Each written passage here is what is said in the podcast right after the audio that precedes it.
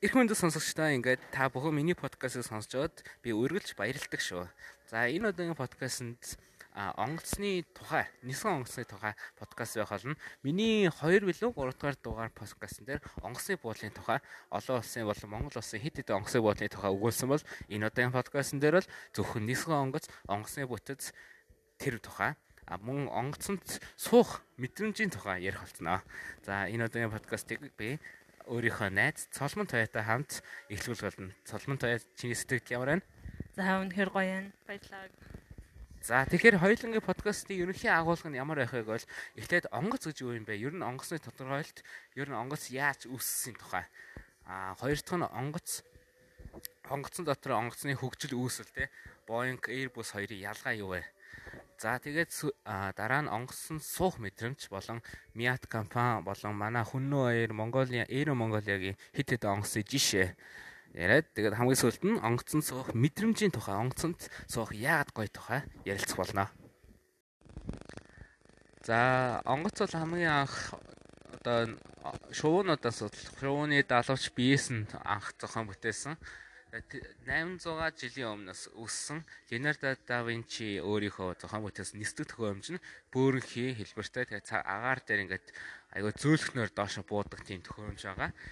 А харин тэрнээс гадна ингээд моднуудыг холбоод моднуудыг хооронд нь ингээд цаас давуугаар холбосон яг цаасан шувуу шиг харагддаг тийм онгоц бүтээсэн хамгийн анхны амжилттай нисдэг онгоц болцсон байгаа. Тэр бол айгүй амжилттай явсаар байгаа. Тэр нь одоо хөгцөөр байгаа. Одоо одоогийн бидний одоо ашиглаж байгаа иргэний агаарын онгоцуд болсон байгаа. Тэгээд чи энэ анхны онгоцуудыг нь харж ирсэн үү энэ зураг мурнаас нь? Аха. А ер нь бол музейд өнгөрүүлсэн шүн гэдэг киноны 2 дугаар анги дээр харагддаг. Чи тэр кино үзээгүй юу? Үзэж байгаагүй. За дараа нь үзвэл гарч ирэн заяа. За тэгээд энэ онгоц ингээд түүхэн хөгжлөх замдаа маш олон хөгжил дэвшлүүлэлттэй таарсан. Одоо хүн суухад боломжтой, олон хүнийг зөөлөх боломжтой, ачаа тээвэр зөөлөх боломжтой болж байгаа. Тэгээд мэдээж анхны онгоц бол ямар ч нэгэн пуужин тийлэлтэй хөдөлгөөргүй байсан. Зөвхөн агаарыг ашигладаг, агаарын урсгалыг ашиглаж явдаг байсан. Одоо бол агаарын тийлэлтэй хөдөлгөөртэй болохоор хөссөн чиглэлтэй, хөссөн өндөртэй маш хурдан явах боломжтой болсон. За онгоц нь дотроо олон төрлийн байдаг. Тэгээд хүмүүсийн аялах аялын зориулалтаа онгоц тэгээд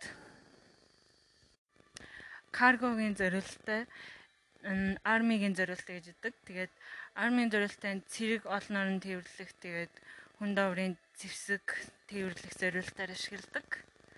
Тэгээд онцгой байдлын онгоц гэж өгдөг. Тэр нь аюулын үед ашигладаг. За бас нисдэг тэр гэж байгаа. Нисдэг тэрийг нөгөө сон билүү нэг шумуул шумуул шин сон гэдэг амтнаас дөөрөлж хийсэн байлээ. Дээрээ ингээд ингээд эргэлддэг далуустай. Тэгээд ардаа сүултэй тэгээд зэргүүд хоёр хоёр нисгчтэй тэгсэн мэтлээ доторх бүгээг нөгөө онгорхоо хаалган онгорхоо тэгээд тэр онгоц бас их нисдэг тэрэг айгаа ер нь бас нэг онцгой онгоц л доо. За харин манай Монгол улсын хувьд ямар ямар онгоцууд байдаг вэ гэвэл за иргэний агаарын онгоцууд бол маш олон байгаа. Miat одоо Miat гэх мэт маш олон компани онгоцууд байгаа. За дээрэс нь хэд хэдэн онцгой онгоцууд байна л да. Өнгөрсөн 2019 оноос эхлээд Монголын анхны карго онгоц явсан байгаа. Чи тэр тухай сонсноо? Сонсоогүй. Тийм үү, ямар сони. Mongolian Cargo Airways гэдэг шинэ онгоц гарсан байлээ. Гэхдээ тэр Miat-ийн биш, хувийн компани юм шиг байлээ. Тэгээд ганцхан онгоцтой зөвхөн ачаа тээвэрлэх тийм онгоц байгаа. Тэгээд аа зарчигчийн онгоц байна, карго онгоц байна. За тэгээд манайд бас эмнэлгийн онгоц байгаа. Гимтлийн эмнэлэг 2018 онд онгоцтой болсон. Чир тохиос сонсноо? Аа. Тэгээ тэр тухай сонссон хүмүүс зөндөө байгаа. Гэтэ тэрний онцлог нь юу гэвэл хэрвээ та онгоцоор өөрийгөө зөөлгүүлэхийг хүсвэл зөөлгүүлж болно. Гэхдээ төлбөрийн та өөрөө төлөх юм байлээ шүү дээ. Аа за энэс бас дэвшилттэй технологи болж байна Монголын хувьд. Яг тийм. Жишээлбэл Улаанбаатараас дархны замд явж байгаад машинд осолдоод ингээд Улаанбаатар руу явхад одоо машинаар удаан явна шүү дээ. Тэхийн он нисдэг тэргээр хурдан очиж болно. Гэхдээ яг төлбөрийн баг ихэнх нь өөрөө төлөх юм байлаа. За Монгол улсад бол цэргийн онгоцууд бас байгаа. Налайхын онгоцны буудлыг бол цэргийн онгоцны буудал болгоцсон байгаа. Чи Google Maps ашиглаад харвал маш олон одоо нисдэг тэрэг хадгалах ангаартай юм байлаа. Тэгээд Дээрээс нь Монгол улс онцгой байдлын онгоцод байгаа. Хүн болгоны сайн мэддэг 2008 билүү 9 онд нөгөө Ми 8 гэдэг онгоц осолцсон. Тэр бол онцгой байдлын одоо аюулын үед явж исэн онгоц ингээ осолцсон. Айгу харамсалтай тохиолдол болсон. За тэгээ Монгол улсад энэс өөр онгоцны төрөл байхгүй. Одоо төрөөч хэлсэн ч л одоо одоо тийм хөдөө аж ахуйн онгоц байхгүй. А гэхдээ нэг сонирхолтой онгоц нэрээ саяхан нэмсэн үг бол 2016 байлаа 17 оноос эхлээд нөгөө цонжин болдгийн тэнц аял жуулчлалын онгоц байгаа юм байна лээ. Одоо хоёр хүн суудаг. Тэгээ өдөржингөө а биш нэг хэдхэн минут ингээд цонжин болдгийн дээгүүр нэгээд нисдэг. Тэгээд аягүй өндөр төлбөртэй. Аа, стого юм байна. Тэгээд тэнд айгу хит хитэн хүмүүс бас хорим морьма хийд юм байлаа онгоцоор хоримлууга очиж мачаад. Тий. Нэг тиймэрхүү онгоцнууд одоо манахаар байна. Airbus, Boeing гэсэн хоёр төрлийн онгоц байгаа. Airbus нь Boeing-ийг бодвол арай жоохон том, нэг игнэ илүү. Boeing бол манай Монголын Miat компани хэрэглэдэг онгоц байгаа. Гэхдээ манай Miat бол зөвхөн түрээсэлдэг, худалдаж авч чаддаг. Яг бол маш үнэтэй. А гэхдээ 2019 онд анх удаага манай Miat онгоц худалдаж авсан байгаа. Даанч тэр одоо худалдаж авсан Max 8, Boeing Max 8 гэдэг онгоц нь одоо маш олон улсад ингээд хит хит одоо осолд ороод тэгээ судлаад үзсэн чинь тэр онгоц маань өөрөө үйлдвэр юм алдаатай онгоц байсан. Тийм учраас дэлхийд даяар Boeing компани тэрийг хориглож энэ онгоцыг одоо хэрэгжилж болохгүй байх шүү. Энэ эвдэлтэй онгоц маань осолд орох магадлал маш өндөр гэдэг. Тэгээ манай Miat ингээд маш том алдагталд орсон. Ингээд түүхэндээ анх удаа онгоц судалдаж авч байхад эвдэрхийн онгоц тийм үйлдвэрийн алдаатай онгоц авдаг айгүй нүдтэй олоог зүйл болсон баа. Маш харамсалтай зүйл болсон баа. Тийм үү? Тийм ээ. Тэгээд харин манай Улаанбаатараас нислэг үлддэг Korean Air, Asian Air а тэгээд энэ онгоцнууд бол бүгд Airbus ашигладаг. Одоо голдоо дөрвөн судалтай байдаг болохоор энэ Airbus гэж таньж болно. А Boeing голд голдог 3 судалтай байдаг. Том онгоцон сууж явах ямар вэ? За ер нь бол чимээ багтай. Гэхдээ яг ингээд цонхны ингээд нэг дугуй хөвтөг юмны доор нь сунгууд тэгээ доор амар мэдэгдэг их эвгүй байсан. Яг тийм. Яг тэр одоо яг дугуй хөвтдөг газрын дээр сонгох нь бол маш харамсалтай. А бас жорлонгийн хажуу суух бас хэцүү. Хүмүүс маш их очирладаг. Хүмүүс маш их очирлоод ингээ хажууд ингээ зүгээр унд хөвтий гэж яагаад ингээ ойчилж байгаа хүмүүс хүнлээ хараад амар хэцүү шүү те. Аа үнэхээр юу байдаг. Бас нэр нэг юм юу гэвэл яг далавчны хажуу суучвал жоохон жоохон муухан. Яад бол далавч харж явахаар жоохон сонио. Наад бол зүгээр зөвхөн тэнгэр харж явах л гоё л байдаг л та. За тэгээд бас хаалгатай ер нь одоо хамгийн хойно суучвал жоохон хэцүү. Яг лонгсын бодолтой буучвал нэг жоохон хоцорч гардаг. Тийм нэг тохиолдол байгаа. Яг бол манайхан ч шууд амар бүгдээ ойчлоод зогсчдаг болохоор хамгийн хойдлох нь амар хохирдог те. Тийм тэгээд бас нөгөө нэг даралтны шийдэгдэлтэнд амар өртөн. Яг тийм хой хойшоогоо суух тосом жоохон одоо нөгөө хөдөлгөөн ихтэй, жоохон дөрвөлт ихтэй байдیں۔ те. Аа. Харин жижиг онгоцон суух арай өөр. Жижиг онгоц ер нь бол маш олон маш нэг игнэнд айгүй цөөхөн судалтай болохоор нөгөө сууд явахд шийцүү, дундуур нь явахд шийцүү. Би өнгөрсөн жилийн 19 сард одоо ховд явахдаа Aero Mongolia-гийн Fokker 50 гэдэг онгоцон суусан. Игнэнд 3хан судалтай, баруун талдаа 2 зүүн талдаа ганцхан судалтай. Тэгээд яг айгүй жижигхэн онгоц яг нэг хүн бол яг хүмүүс ер нь жоохон болгоомжтой л явахгүй бол их илүү ширүүн хөдөлгөөн хийгээд явбал жоохон үнэтэй мөргөлт аюултай. Тийм. Гэтэ тэр онгоцны хувьд хамгийн хойно суусан чинь үнэхээр хэцүү байсан. Маш их шидэгдсэн. Яг бол жижигхэн онгоцсон болохоор бүр амар дөргөл байсан.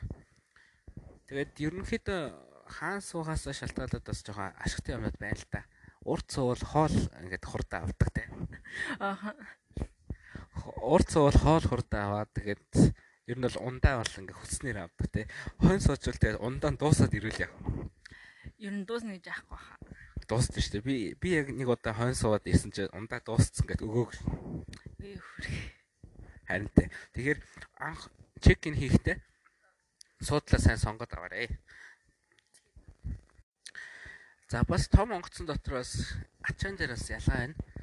Одоо нэлээд том онгоц 777 300 ир эсвэл 767 300 ир онгоцны хувьд бол нөгөө ачаага ингээд том том дөрөв дөрвөлжин дөрвөлжин янз бүрийн хэлбэртэй тийм том агуулах савнд хийж ингээд онгоцондоо хийдэг болохоор одоо ачаа авах те ачаага замдаа алдах магадлал маш бага. Харин жижиг онгоц одоо Улаанбаатарын хувьд бол Мятас Бээжин рүү нисдэг онгоцнууд бас одоо хөдөө орнот руу явдаг. Аэро Монголын хүннөө эерийн онгоцнууд бол ачааг бол шууд задгаагаар нь одоо хийдэг болохоор одоо хамгийн ихэнд өгсөн ачаа бол хамгийн сүлд гардаг тий чи хамгийн ихэнд ачаагаа өгч мөгөөд хамгийн сүлд тэгж авсан тохиолдол гарсан уу? Аа гарч ийсэн. Ер нь гарч ийсэн. Гэхдээ бүр ингээд андуурагдаад өөр бүр терминал руу явчихсан. Тий хаана хаана? Ямар онгоцны бодол дээр Германы онгоцны бодол дээр Тэгэл үү? Аа. Яг юу болсон? Чи чи нөө сурц сургуулаараа сурц солилцоонд явсан тухай ярьж байна уу? Гүү тэрнээс арай өмнөөс ахгүй гэр бүлтэйгээ явж ирсэн. Тэгээд ер нь бол хамгийн их нэр хамгийн ихэнд ачаагаа өгөө тэгээд орсон ахгүй. Тэгээд гарч ирээд ингээ ачаагаа үлээдсэн чи гарч ирдгүү тэгээд нөгөө нэг хүнээс нь асуусан чинь тэгээд өөр юм руу явцсан байна гэд. Тэгээд амар харамсалтай гарсан. Тэгээ уусаа нөгөө Герман руу жижигхэн онгоц авж штэ. Бат хаан гэдэг онгоц авд штэ. Мөнх хаан, Чингис хаан аа тэгээд юу лээ? Ямар хаан нөлөө? Аа тий. Энэ Бат хаан, Чингис хаан ч айгу том онгоц штэ. Герман руу мөнх хаан явд штэ. Чаавас. Чаавас. Нөгөө Boeing Max 8 ч нөгөө төлөө хаан гэдэг нэртэй. Бас чаавас. Төлөө хааны нэр хүнд амар унсан да. Тэгэхээр жижиг онгоц бол жоохон ийм хохиролтой байгаа. Дараагийн ярих сонирхолтой зүйл юу вэ гэвэл онгоцны жорлонгийн тухай. Онгоцны жорлонгоор үргэлжлүүлэхэд сэтгэл ямар байсан бэ? Яг гайгүй цэвэрхэн юм билээ. Цэвэрхэн байсан. Гэтэ чи гайхсан онгоцны буудалд онгоц онгоцсон дотор тамхи татах хориотой мөртлөө жорлон дотор тамхи татах хогийн сав байдаг. Мм мдэггүй мэн. Сонирмած онгоцон тамхи татах 100% хориотой мөртлөө ингээд жорлон дотор ингээд тамхи тат гэсэн юм шиг юм тамхи татах тийм хогийн савтай. А тэгсэн мөлөө жорлонгийн хаалган дотор тамхи татах хориотой гэж бичгтэй. Тэгээд тэр нь одоо ямар очтой вэ гэвэл ямар нэгэн хүн яг яг дөрөн зөрчтэй тамхи татсан тохиолдолд яг тэр хогийн савыг хэрэглээрэй гэсэн юм үг юм байлаа би интернетээс хайж утсан. Аа. Тэгээд бас жорлонгийн бас нэг сонирхолтой зүйл нь юу вэ гэвэл жорлонгийн яг нөгөө бас шээс хаашаа явдаг вэ? Хаашаа явдаг вэ? Шууд тэнгэр рүү асуудаг. Мэдгүйгүй хаа. Ямар ч гэсэн галт тэрэг бол шууд шууд доош асуудаг. Шууд нөгөө төмөр замлаа шууд газар руу асуудаг тийм ээ. Одоо юу галт тэрэгний жорлонд орсон бол яг ингээд жорлонгийн нүхийг онгойлгох шууд газар үүс нөгөө харагддаг шүү дээ. Чулуу болоо. Ингээд явж байгаа зам харагдах байхгүй. А нөө онгоцын нүхийг онгойлгонгууд ингээд шувуу харагддаг болов. Гүү хаа тийм ээ юу гэжгүй юу гэж тийм байх үү энэ бол зүгээр хүмүүсийн зүгээр тоглоом. А онгоц онгоцон дээр онгоцон дотор өөрөө усны аймар системтэй байдаг. Бохор усыг хадгалдаг тийм нөгөө танктай. А цэвэр усны ч танктай. Тийм болохоор та бүхэн ингээд ингээд одоо гадуур явчаад дээш тэнгэр харж оо онгоц явж оо яда баашээс гэсэн асуудал байхгүй шүү за. А харин онгоцны жорлонгийн талаар бас нэг өөр юм юу вэ гэвэл онгоцны жорлонг гаднаас нь онгойлдог гэдгийг чи мэдв үү? Гүү. Чи мэддэг юм уу? Гаднаас нь онгойлгож болдсон шүү дээ. Хүн ингээд дотор нь ороод төгтсөн мөртлөө гаднаас нь хүн ерөөсө хүссэн аргаараа онгойлгож болно. Сонирхолтой юм байна. Одоо чамаа ингээд бааш хийж байгаа хүн ороод ирнэ гэсэн шүү дээ. Үгүй илгээд. Нэрэ нэрэ. Ингээд онгоцны нөгөө дотор нь ингээд төгжээг жижигхэн нэг цагаан юм ингээд пок гэдэг ингээд дарахаар гадна талд нөгөө улаан өнгөтэй болтой occupied лөө тийм болд нь штэ. А гэхдээ тэрний дээр lavatory гэдэг үг байдаг байхгүй төмөрн дээр тэр төмөрн дээр lavatory-г ингээд дээшээ нөгөө хумсаараа жоохон сөхөөд үзвэл дотор төгжийг харагддаг байхгүй. Тэнгүүт тэр тэр lavatory-гийн дотор байдаг нууц төгжийг ингээд онгойлгож болно. Би нөгөө сая 11 сард нөгөө найзтайгаа солонгос тэмцээнд явж байхдаа нээзээ ингээд дотор шийдэж байхад би онгойлгосон шүү дээ. Йоо, хөвгөлтэй. Тэгээ тэр бүр гайхсан нөгөө анх удаа онгоцонд явж байсан болохоор чи энэ энэ уус ингээд онгод юм уу гэж. Аа. Тэр бас инээтэй та онгоцонд явж байвал яг тэрийг туршаад үзээрэй. Гэтэ тарихгүй хүн жорлонд байхад онгойлох нь жоохон муухай гимт хэрэгт болчихсон заяа. Хувийн нууц талцсан. А найзыгаа таньдаг хүнийг жорлонд байхад гаднаас нь онгойлгож пранк хийгээрэй. Ер нь онгоцны нисгэгч ер нь яг онгоц нислэгийн турш одоо 5 цагийн нислэг бол 5 цаг ингээд өрүүлээ барьж жолоож явдаг гэж чи боддгоо. Гүү автомат ийм давчлуур байдаг байх гэж бодож байна. Тэгээд яагаад ямар үед автомат давчлуур дарж ингээд явд юм бол? Аа ингээд тогтун хэвийн ингээд нислэх үед. Ер нь бол яг тийм. Ер нь бол онгоцны нисгэгчийн үүрэг бол маш амархан. Онгоцыг нисгэх одоо өөрөөр хэлбэл хөөргөх дараа нь онгоцыг газардуулах хоёр л дээр л онгоцны нисгэж нь ажиллаа идэг. А яг нэгэнт ингээд агаар дээр гарсан зохих өндөртөө хөрсөн онгоцыг бол онгоц бол өөр ингээд автоматар явдаг. Харин агаарын хүнд урсгалд орсон тохиолдолд онгоцны нисгэж бол яг онгоцны өрөөлийг гартаа атгадаг. А тэрнээс бусад үед бол онгоцны заалтуудыг хараад одоо яг нөгөө хянаж явдаг болохоос яг машин шиг ингээд байнга бариад явдаггүй гэдгийг хүмүүс яг сайн мэддэг юм байлаа. За. Тэгээд бас онгоцны нисгчийн нэг сонирхолтой зүйл бас нь юу гэвэл 2015-ад онд лөө нөгөө Германы Lufthansa-гийн хүү компани охин компани хүү компани гинэ. Охин компани болох нөгөө юу лээ? German Wings, German Wings. Тэр компани нэг жижигхэн онгоцолтой зүгээр ингээд Европ дотор явдаг. Тэр онгоц нөгөө Альпийн нуруунд дээгүүр явж байгаад нэг нисгэг чинь ингээд жорлон ороод ирсэн байхгүй нэг нисгэг чинь жорлон орсон байхгүй тэгэнгүүт нөгөө нисгэг чинь дотоос нэг хаалын түгжчихсэн тэгээд тэр хүн нөгөө яасан байг сэтгцийн өвчтөй нисгэж байсан маа тэгэнгүүт тэр нөгөө нисгэг чинь ингээд жорлонд орсон байхад ингээд түгжээд одоо яг нөгөө одоо өөртөө байраа түгжээд тэгэд онгоцыг ингээд доош нь шууд маш хурдтайгаар ингээд унгаасан байгаа амар аз амар сонсоогүй сонсдог Тий. Тэгээд тэр чинь тэр альп альпийн нуурын дээр ингээ бөөнөр унаад бүгдээр нас орсон шүү дээ. Чи мдэггүй юу? Мдэггүй. Чи амар том ослоос цансааг орхисон байна шүү дээ. Ер нь онгоцны осолч ер нь их амар шүү. Нөгөө маш олон хүн зэрэг нас орох аюултай осол болохоор аюул аюултай. Манай монголч гэсэн ослоо зөндөө гарч ирсэн. Гэтэ 2000-аас 2008 оноос хойш осол гараагүй л та. Яг ослын буултал нэг 1 2 хийсэн баг. 2008 онд бол ми 8 осол байгаа. А тэрнээс өмнө 1980-ад онд нөгөө Марц уулын осол байгаа.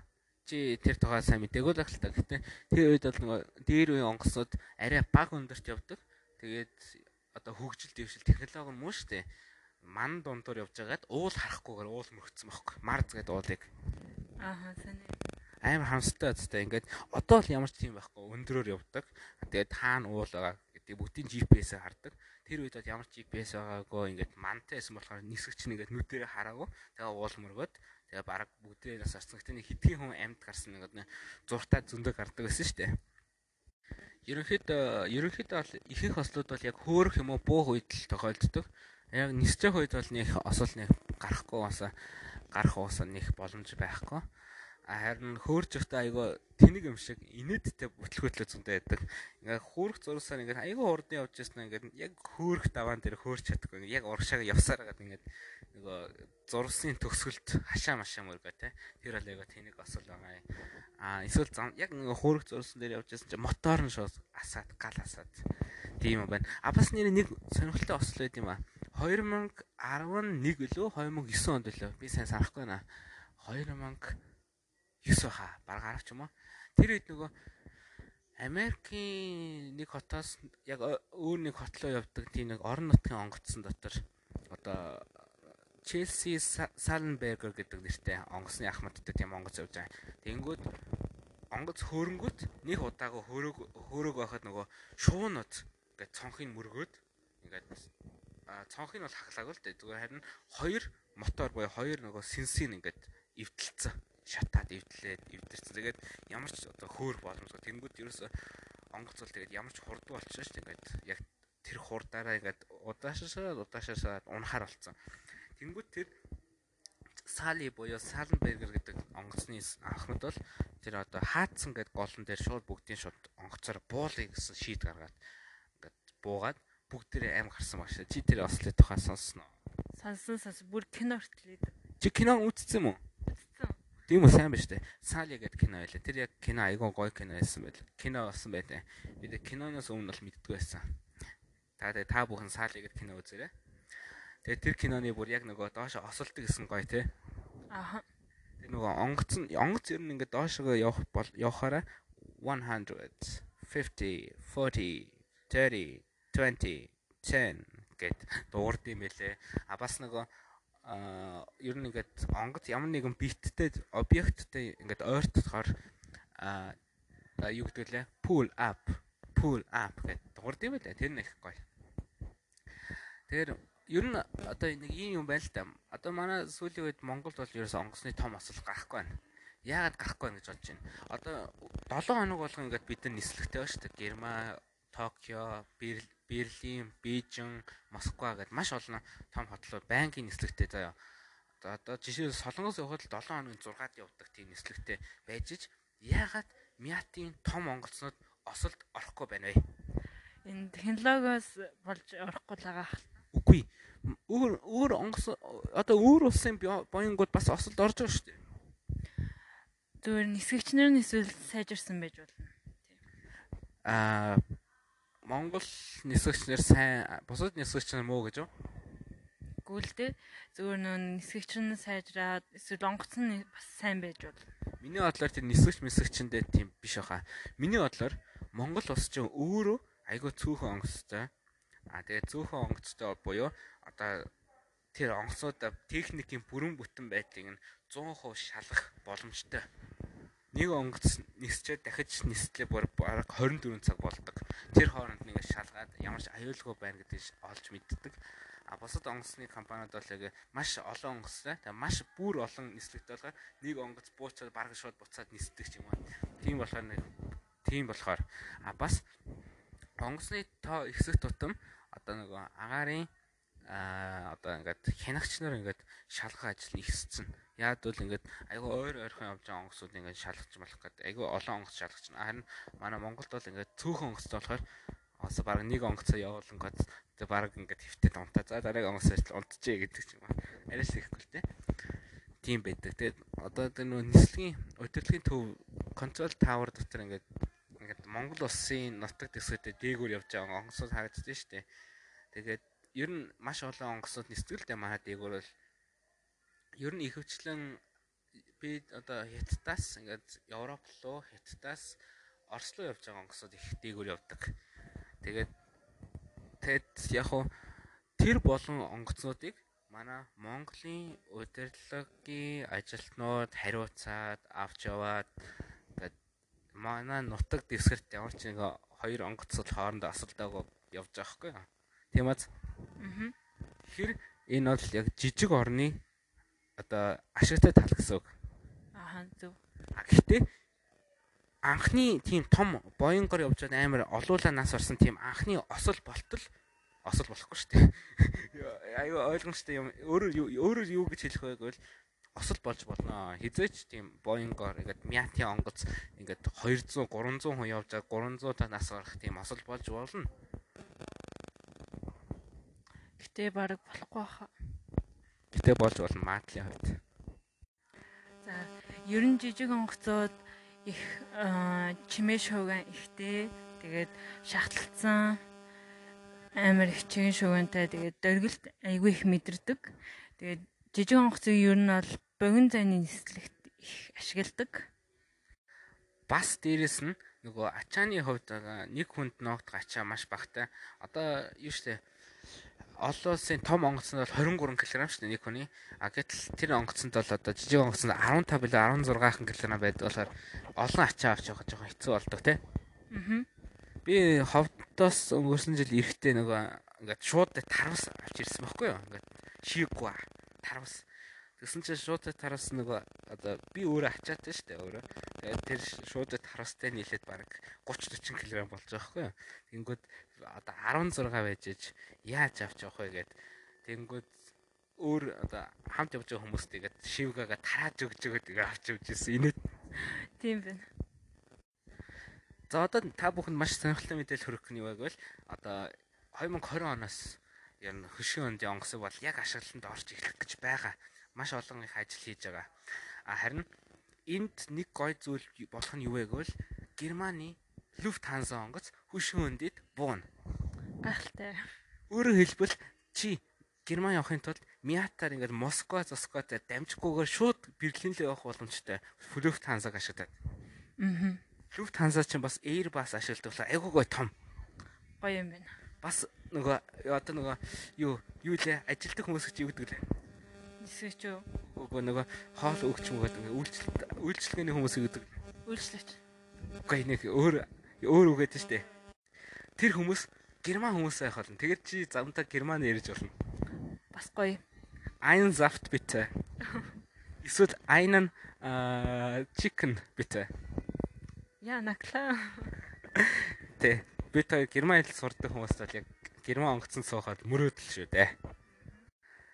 Ингээд онгоцны хоббитой хоёр найзын яриа ингээд дуслаа. Та бүхэн илүү дэлгэнгүй мэдээллийг интернетээс хайгаад үзээрэй.